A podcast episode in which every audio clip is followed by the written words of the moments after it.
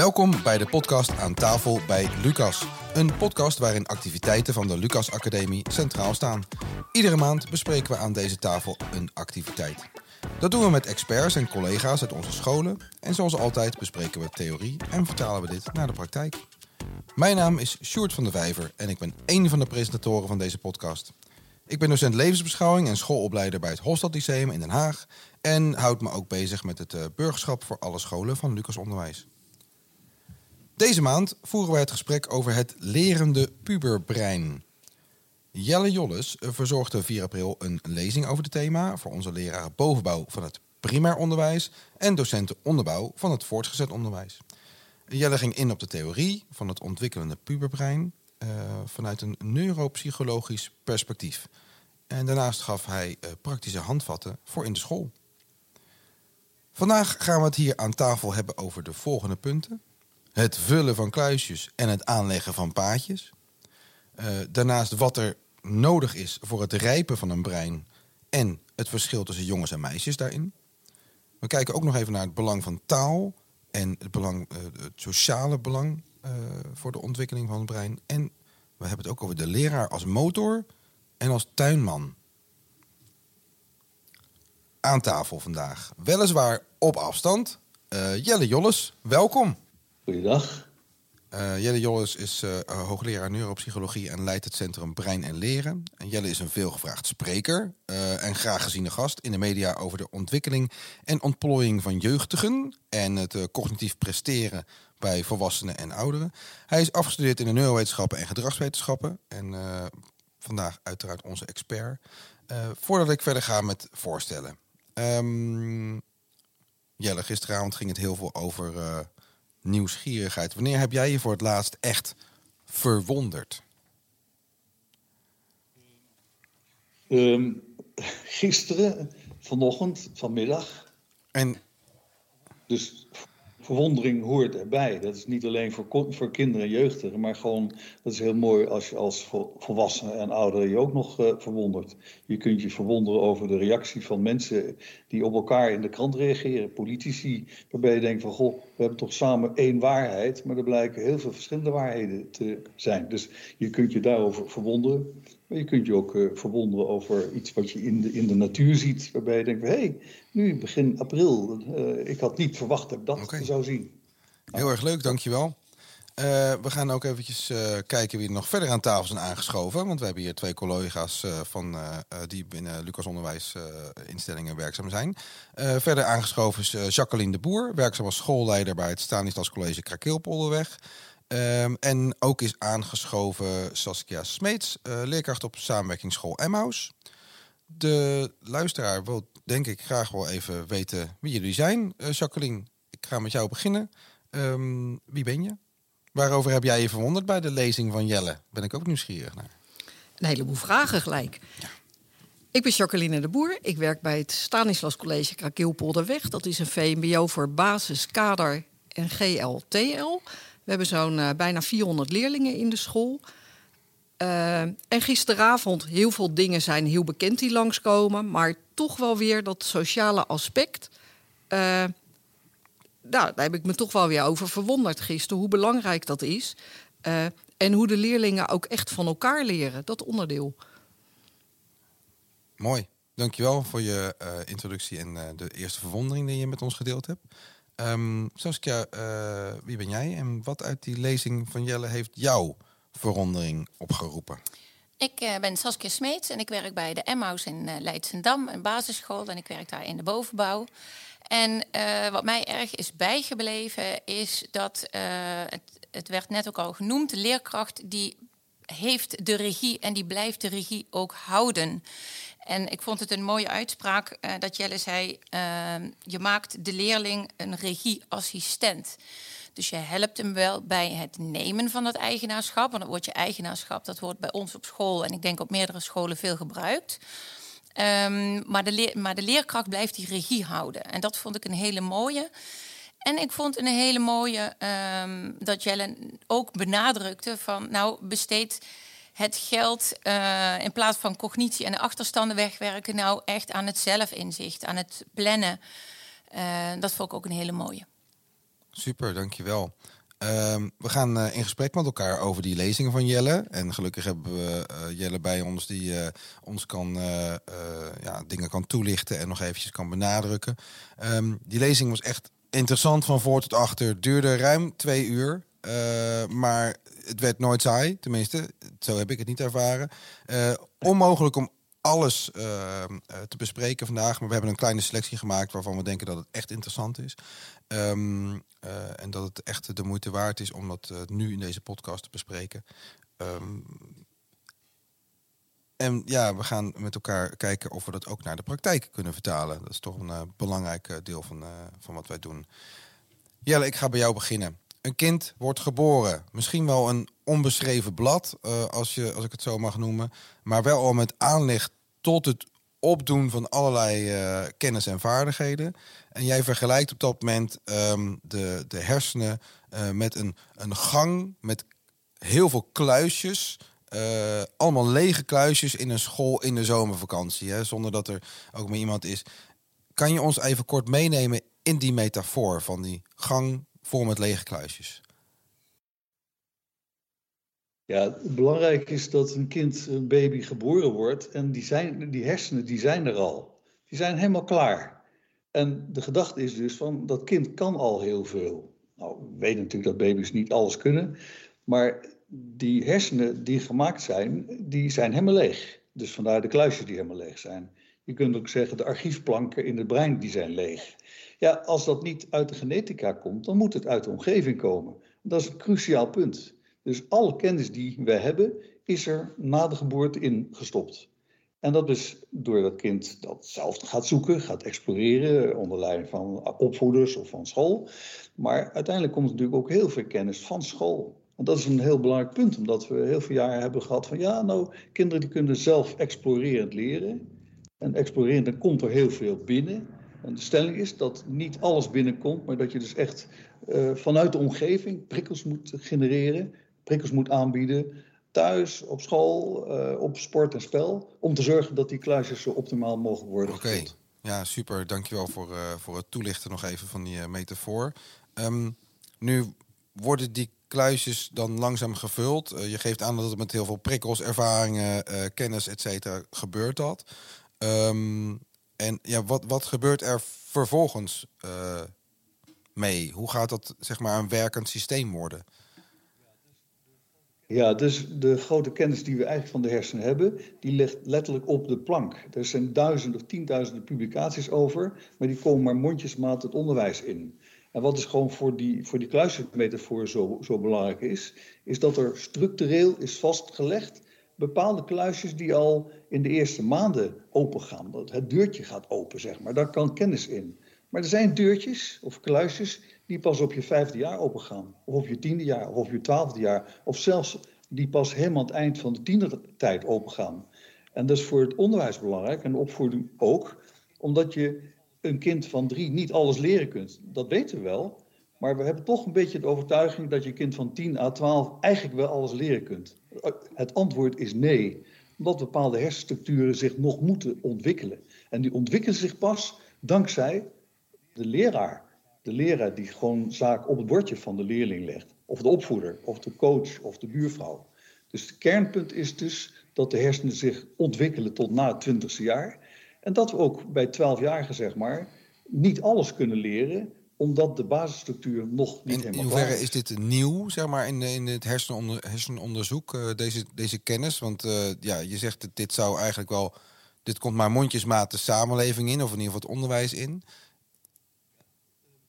Ja, um, wat rond 2004, 2005, dat is echt een soort markeringspunt, omdat toen heel grootschalig onderzoek dit heeft opgeleverd. Toen is duidelijk geworden dat de hersenstructuren nog rijpen tot na het twintigste jaar. Dus weer, het brein is er al, maar de connectie tussen die, uh, die kluisjes, de connectie, de verbinding tussen die regio's, moet nog komen. En we weten nu veel meer dan toen dat die verbindingen, dat zijn eigenlijk de banen, hersenbanen, die gewoon al die 200 kluisjes met elkaar verbinden.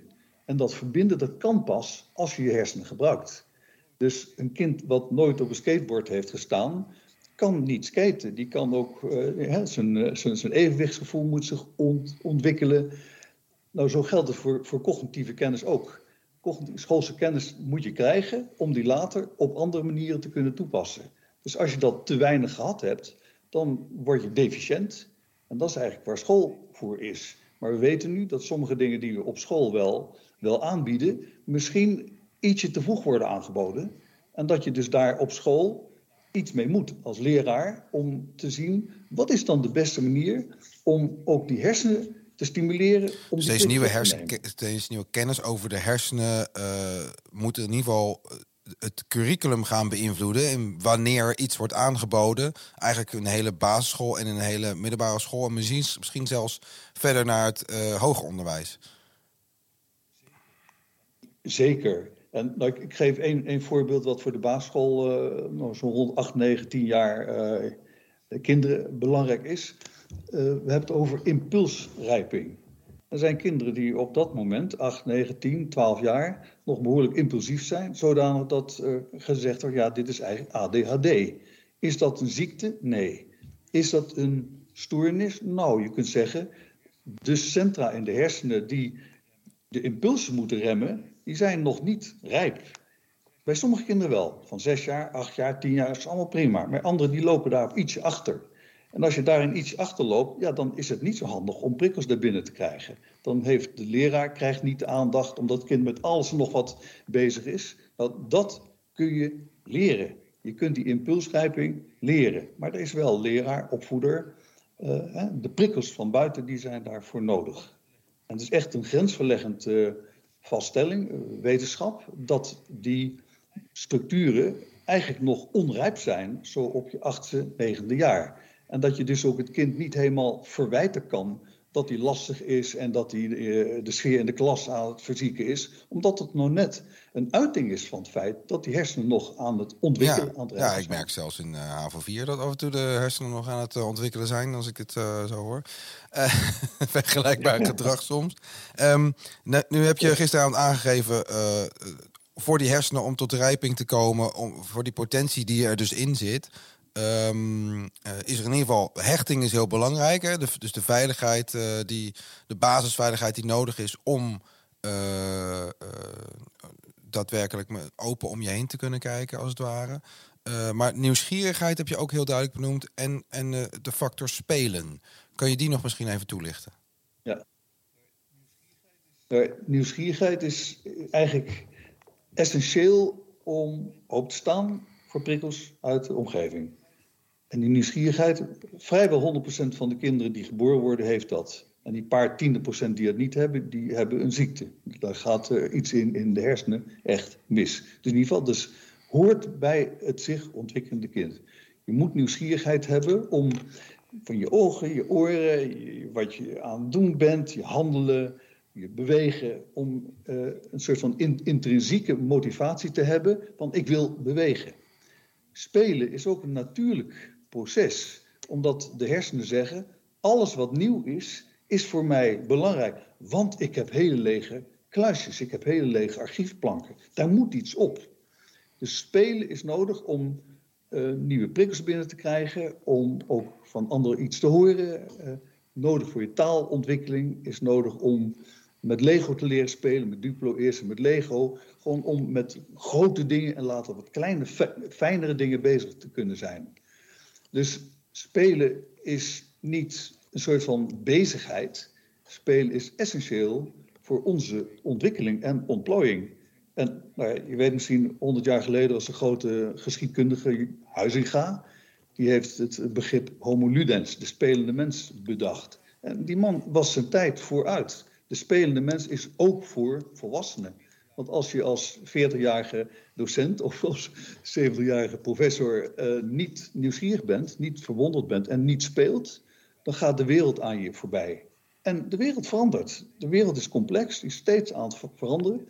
En nieuwsgierigheid en spelen is dus nodig om je te kunnen aanpassen aan de steeds maar veranderende. Ja, ik ga vanavond meteen mijn Lego thuis. Uh, en, uh, maar, maar voor de tussentijd uh, is het belangrijker. Saskia, jij als basisschooldocent, hoe, hoe, stimuleer jij die nieuwsgierigheid bij je leerlingen? Um, Nou, ik probeer in eerste instantie aan te sluiten bij de belevingswereld van de kinderen die ik heb. Ik heb 10, 11-jarigen in de klas. En dan moet ik zeggen dat je merkt in groep 7 uh, dat die nieuwsgierigheid van kinderen ook best wel uiteenloopt. Want sommige kinderen zijn al aan het puberen of aan het prepuberen. En anderen spelen nog het liefst met de Barbies. Dus dat, dat, dat is wel lastig. Um, maar ik vertel ook bijvoorbeeld over mezelf wat ik meemaak, door ze daardoor ook weer te prikkelen. Want dan gaan ze vaak vragen stellen aan mij. En dat is voor hun ook, denk ik, een manier om uh, inzicht te krijgen in de wereld of hoe het werkt. Um, en ik stel veel vragen. Hoe zij dingen doen, um, hoe we dingen kunnen oplossen in de klas bijvoorbeeld ook. Want ik vind dat kinderen uh, best wel veel weten over zichzelf. En ook wel oplossingen daarvoor kunnen aandragen. Maar uh, wij denken ook wel vaak dat wij het altijd beter weten. Ja, dat klopt. Tenminste, dat denk ik. Um, en uh, heb jij nou na die lezing van gisteren ook dat je denkt... oh, ik zie nu ook nieuwe manieren om die nieuwsgierigheid uh, zeg maar op te roepen? Nou ja, ik, ik heb een klas van 31 kinderen. 31 kinderen nieuwsgierig krijgen en houden is best wel een dingetje. Uh, met betrekking tot het stukje spel. Uh, vind ik wel dat eh, in de bovenbouw, naarmate kinderen ouder worden, we steeds meer tijd geven aan kinderen om echt te spelen. Al kijk je alleen maar heel eenvoudig naar uh, tijd die ze buiten spelen. Die is in de bovenbouw een kwartiertje in de ochtend. Terwijl die, in, in, bij de kleuters in groepen 3, 4 natuurlijk twee of drie keer is op een dag. Um, maar ik vind het heel belangrijk dat we ook gesprekken voeren met kinderen. Dus vind ik ook misschien wel een vorm van spelen. Want je kunt het over allerlei onderwerpen hebben. Dat hoeven niet steeds serieuze gesprekken te zijn. Maar het feit dat ze met elkaar in contact zijn, vind ik eigenlijk ook al een manier van spel. En dat zou misschien wel wat meer uh, uh, algemeen uh, mogen gebeuren. Zeg maar dat het een beetje ja, klinkt misschien raar, planmatig gebeurt? Of vind je dat het veel van de spontaniteit af moet hangen? Uh, ik gebruik veel van de spontaniteit, maar ik vind praten met kinderen ook heel belangrijk. En ik wil ze ook daar graag de ruimte voor geven, omdat het een stukje zelfontwikkeling is. Maar door het rooster dat we hebben, uh, blijft er heel weinig tijd over om uh, wel spontaan dingen te doen. En dat vind ik wel weer jammer, want de nadruk ligt toch wel een beetje op dat cognitieve stukje. Ja, dus daar zou misschien wel meer ruimte voor gemaakt kunnen worden. Ja. ja. Nou, dat is in ieder geval, een, uh, dat hebben wij misschien wat minder invloed op. Maar de schoolleiders, ja, jij daar die zitten luisteren. Uh, jij mag uh, dit meenemen in je volgende visiestuk. En um, misschien, of niet. En uh, uh, je had het net al een beetje over dat, uh, dat contact tussen de leerlingen. Um, gisteravond is het ook onder andere gegaan over jongens-meisjes verschillen. Is iets wat heel vaak tot de verbeelding spreekt bij, bij alle docenten. Ik denk dat we het dagelijks met elkaar als docenten over hebben, over jongens-meisjes verschillen. Um, wat, wat, Jelle, wat, wat zijn nou de grote ontwikkelingsverschillen die je kan zien, kan, kan benoemen, waar we rekening mee kunnen houden in de klas? Dus die uh, ontwikkelingen mm, die vergroten zich over de schooltijd heen. Dus er zijn op het moment van de geboorte zijn er wat verschillen. Die zijn niet vreselijk groot, maar ook zelfs direct na de geboorte, dus, dus laten we zeggen binnen drie maanden, uh, zijn meisjes zijn meer gevoelig voor taal, uh, voor woorden of voor klanken. En de eerste jaren zie je ook allerlei andere dingen die zich ontwikkelen, die ook wat meer met taal te maken hebben. Dus jongens die zijn veel en veel vaker uh, spraakvertraagd, uh, taalvertraagd. Um, vijf keer zoveel broddelen en stotteren als bij meisjes. In ieder geval, dat accentueert zich. En dan als je verderop in de kindertijd komt, uh, zo tussen 8 en, en 14 jaar zeg maar, dan hebben meisjes een eerdere groeispeurt zeg maar.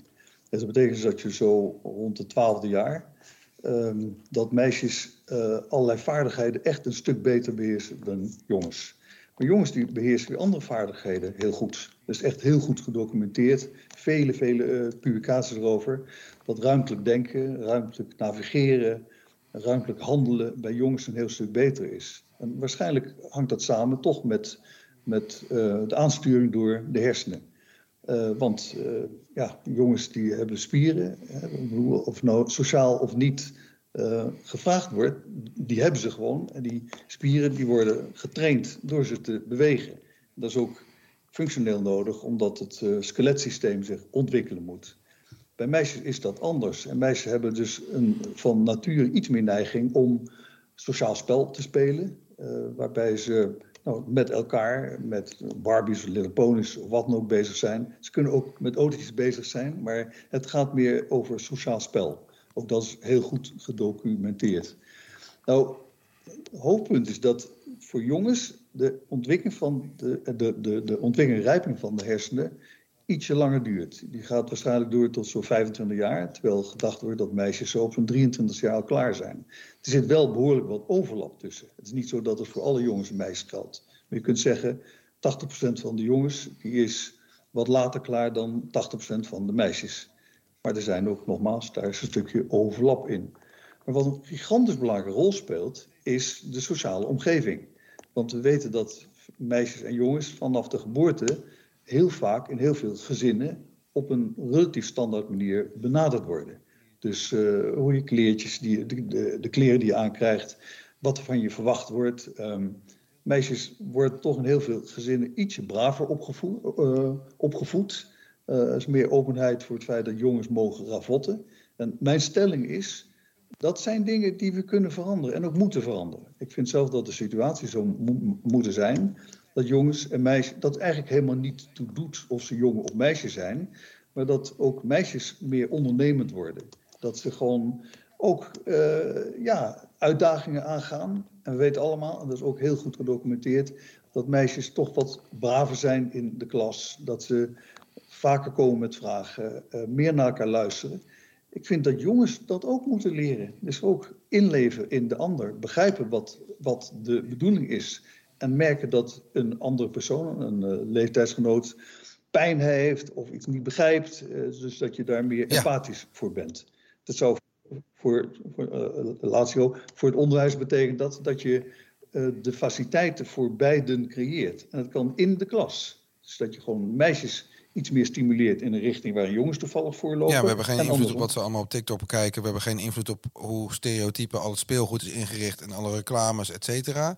Maar waar we wel invloed op hebben, wij onderwijsmensen, is wat we ze aanbieden en wat we stimuleren in de klas. Heb ik het dan goed begrepen? Nou. En ook hoe je dus uh, subtiel of dus minder subtiel je kinderen be, uh, benadert. Je weet ook dat een aantal jaar geleden was nog zo dat er dat uh, een soort van stereotype benadering, waarbij meisjes ietsje vaker uh, bij wiskundesommen, basisschool, te horen kregen. Nou, um, met twee keer uitleg is dat genoeg, want dit is een meisje en die kan dat minder goed dan jongens. En dat, moet, dat is er nu veel en veel minder, maar ja. het is er nog wel een beetje. Dus dat je gewoon uh, bewust bent van de Saskia, zie je dat terug bij jou op, de, op de basisschool? Is er, is er aandacht voor tegen die stereotypen ingaan in het onderwijs? Um, ik denk dat wij over het algemeen de kinderen zoveel mogelijk proberen te benaderen om wie ze zijn. En niet of ze een mannetje of een vrouwtje zijn, om het zo maar even te noemen. Um, niet iedereen is alleen gewend ook aan het uh, ruwe jongensgedrag. Ik heb zelf drie jongens, dus ik, uh, het gaat er vrij ruw aan toe uh, bij mij thuis. Tenminste vroeger, nu zijn ze ouder.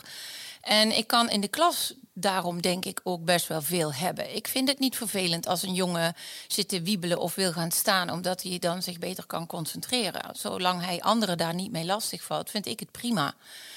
Um, maar vind je, gebeurt er echt iets, zeg maar, wordt er op school nagedacht over, we kunnen die ontwikkeling breder maken voor, voor jongens en meisjes door ze eigenlijk iets uh, te laten doen uh, of ergens mee bezig te laten zijn wat andere dingen ontwikkelt dan waar ze eigenlijk al van nature aanleg voor hebben? Nee. Oké. Okay. Nee. Denk je ook, net als Jelle, dat dat meer zou mogen? Nou ja, wat ik al eerder zei, ik denk wel dat we ze uh, op hun talenten aanspreken. Dus bedoel, net als een meisje heel erg goed is in rekenen, uh, dan zullen we ook dat stimuleren. Ja. En als uh, er zitten, om een idee te geven, in de Sophie-groep, dus de kinderen die wat vooruit lopen in tijd cognitief, cognitief gezien, ja, die zitten, daar zitten zowel meisjes als jongens in. Dus we maken daar geen onderscheid in. Ja. ja. Maar in wezen, als ik het een beetje tussen de regels door hoor, mag er wel meer aandacht voor komen. Voor eventueel... Ik denk dat dat wel heel goed is om daar af en toe bij stil te staan. Ja, ja. ja, ja. ja. Nou, dat uh, is, is, en, en hoe zit dat bij jullie, uh, Jacqueline? Als je kijkt bij het VO, dan doen wij heel veel moeite bij de profielen, zeg maar. Bij, als je kijkt bij bouwwonen interieur, om duidelijk te maken dat het niet alleen voor jongens is. En om het ook extra aantrekkelijk te maken voor meiden. Door er uh, design dingen in te brengen. En ook in de voorbereiding dat ook jongens kennis maken met profielen als zorg en welzijn. Dus om te, om te laten zien dat alle profielen voor alle mensen geschikt zijn. Daar sorteren we ze niet op voor. Nee. Ja, ik heb zelf toevallig de ervaring dat ik wat oud-leerlingen was tegengekomen. Die, die gingen weg bij ons op school met een uh, uh, NNT-profiel. en uh, oh, ik ga economie doen op het HBO. En die kwam ik tegen en die waren allebei de zorg ingegaan. gewoon omdat ze zeiden, ja, dat was helemaal niks voor mij. En ik, ik, ik heb nu SPH heb ik gedaan en ik heb een hele leuke baan in de zorg.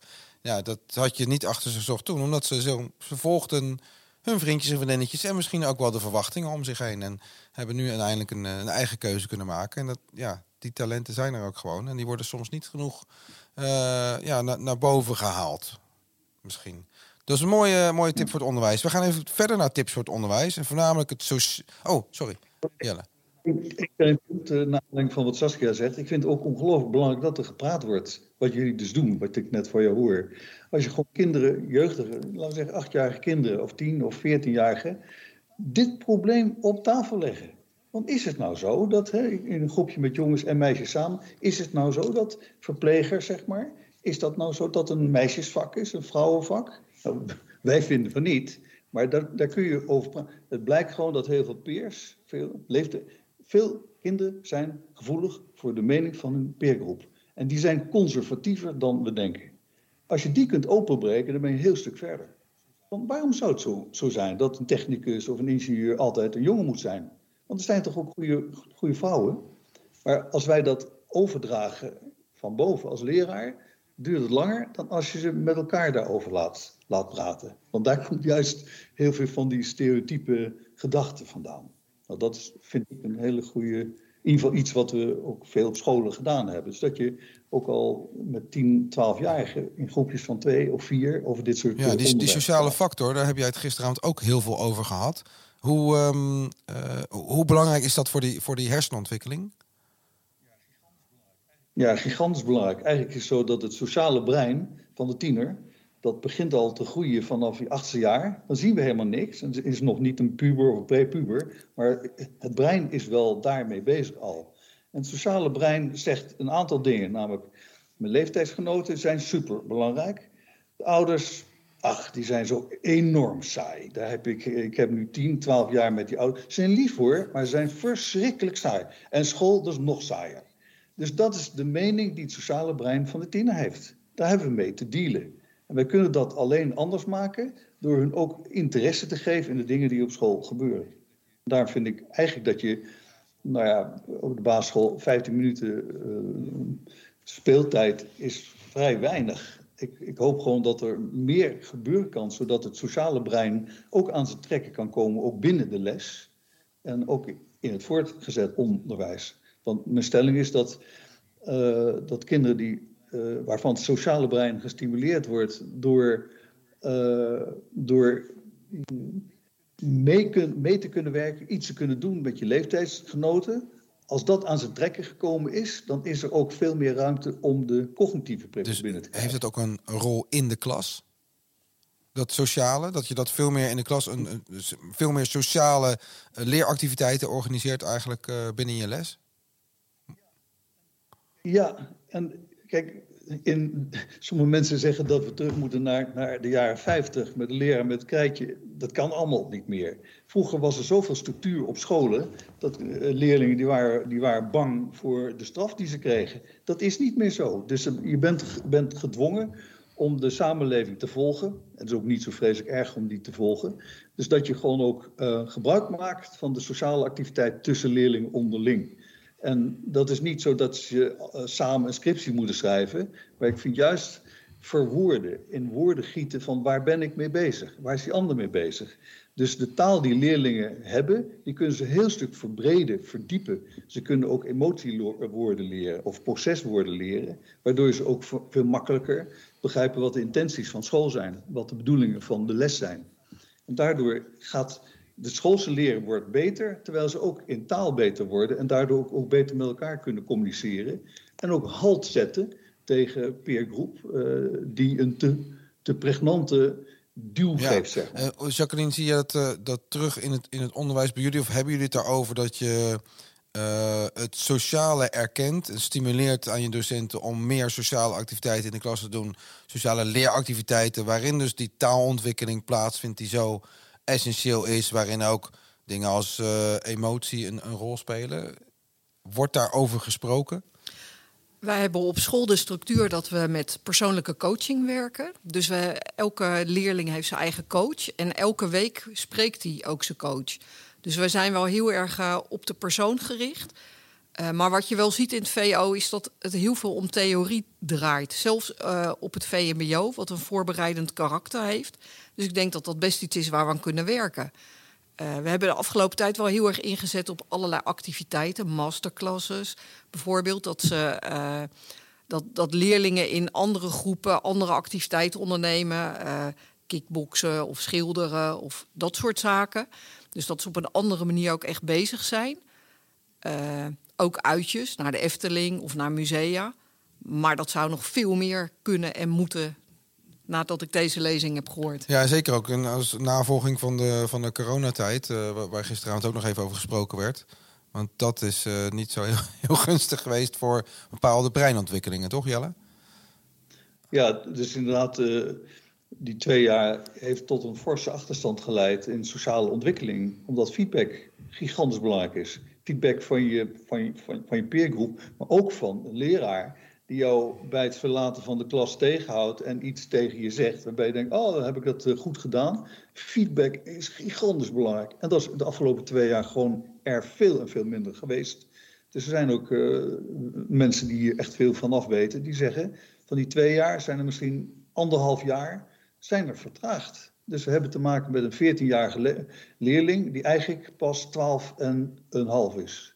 Dus biologisch is hij, uh, is hij 14, maar in zijn sociale ontwikkeling is hij anderhalf jaar achter. En de leraar heeft een hele belangrijke factor dus om hier die breinstimulans zeg maar weer door te voeren.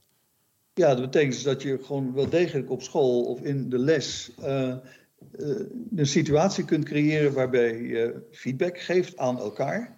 En het niet van ik vind dat jij dat verkeerd doet, maar gewoon alleen een vraagje stellen. Gewoon of een suggestie doen, of inspiratie geven, of een andere route wijzen, zeg maar. En dat kun je gewoon ook aan leerlingen van elkaar of aan elkaar laten geven. Ja, en je gaf gisteravond volgens mij ook heel duidelijke voorbeelden dat je uh, de creativiteit van het brein stimuleert door bijvoorbeeld wat als vragen te stellen en, uh, en meer te laten nadenken over mogelijke situaties, over consequenties uh, nadenken. En ja. Uh, dat, ik heb één woord niet genoemd, wat dan wel te ingewikkeld is, maar ik doe het nu wel. Het gaat over rep representaties. Als je het woord olifant hebt, nou, we weten allemaal hoe dat beest eruit ziet. Maar een olifant is voor een vierjarig anders. Want dat is gewoon een houten poppetje wat daar op het kastje staat. Of het is een knuffel met allemaal hele lange oren. Dus bij dat knuffeltje zijn ook uh, hoe het ruikt, hoe het voelt. Dat zijn andere plekken op de hersenen die actief zijn om die olifant op te slaan. Nou, representaties, we moeten er zoveel mogelijk hebben. Dus als je hebt een wat als vraag en zegt van, goh, stel je voor, een olifant die vliegt. Ah, dat kan niet. Oh, zegt een kind, ik weet, dat is Dombo. Of Dumbo of zoiets. Dat is dat beest met die hele lange oren, die vliegt ermee. Oké, maak een verhaal waarbij je Dombo, een vliegende olifant, zorgt dat er een land wordt gered wat overstroomt. Uh, nou, maak een of ander verhaal van. Dat betekent dus dat je een verhaal in je hoofd moet maken. En dat is ongelooflijk sterk in het zorgen dat er verbindingen gemaakt worden. De school is ongelooflijk goed om de mogelijkheid te creëren met gekke dingen die ervoor zorgen dat die netwerken in het brein zich ontwikkelen. En naarmate je meer representaties hebt, wordt iets, bijvoorbeeld een olifant of leren, wordt op meerdere plekken in het brein opgeslagen En kan dus later makkelijker herkend of herinnerd worden. Ja, dus behalve over olifanten moeten we het ook hebben over leren, zoals je net zegt. Dus ook het onderwerp leren mag een, moet eigenlijk een onderwerp zijn binnen uh, de les. Ja, een voorbeeld is uh, de regie over het eigen leerproces. Nou, oké, we kennen dat uit onderwijskunde, het is belangrijk. Maar wat is nou eigenlijk een leerproces? Ik denk dat als je dat dan heel veel schoolleiders of leraar vraagt, dat ze dat ook niet helemaal on onder woorden kunnen brengen. Hoe zou een leerling dat dan kunnen? Dus als je al, alleen al aan tienjarigen of aan veertienjarigen vraagt, wat is nou eigenlijk leren? Jullie zitten in een groepje, wat is leren? Er zijn, je kunt dan zien dus dat ook er vraag komt van, ja, ik ben met de tennisles begonnen, maar ik ben aan tennissen. Is dat ook leren? Natuurlijk is dat leren. Maar dat is een andere vorm van leren. Dus je kunt gewoon aan leerlingen van pak een beet onderbouw uh, voor het gezet onderwijs heel veel aspecten daarvan leren, zodat ze ook begrijpen dat als ze thuiskomen met die huiswerkopdracht en ze hebben allemaal taken die ze thuis moeten uitvoeren en dat er nog uh, vriendjes uh, bij komen, dat ze niet in staat zijn om hun leeropdracht voor school in relatie te brengen met al die andere taken die ze hebben. En dat geeft hun zelfinzicht. En als je zelfinzicht hebt, dan leer je van de dingen die fout hebt uh, gemaakt. Nou, zelfinzicht, dat wordt dan ook bij wat, wat Saskia straks vertelde. Praten met elkaar, dat zorgt ervoor dat je dat ontwikkelt. En vandaar taalontwikkeling, ook emotiewoorden, en dit soort proceswoorden. Een soort van mentale voorstelling kunnen, kunnen maken. Daar kun je op, op school, basisschool, voortgezet onderwijs heel veel mee doen. En waardoor de nadruk wat wat breder wordt dan alleen maar cognitief leren. Ja, ja. Wat ga je morgen anders doen, uh, Saskia? Zo. Um... Jacqueline, ik ga jou die vraag ook stellen. Ja, dit uh, mag nog even nadenken.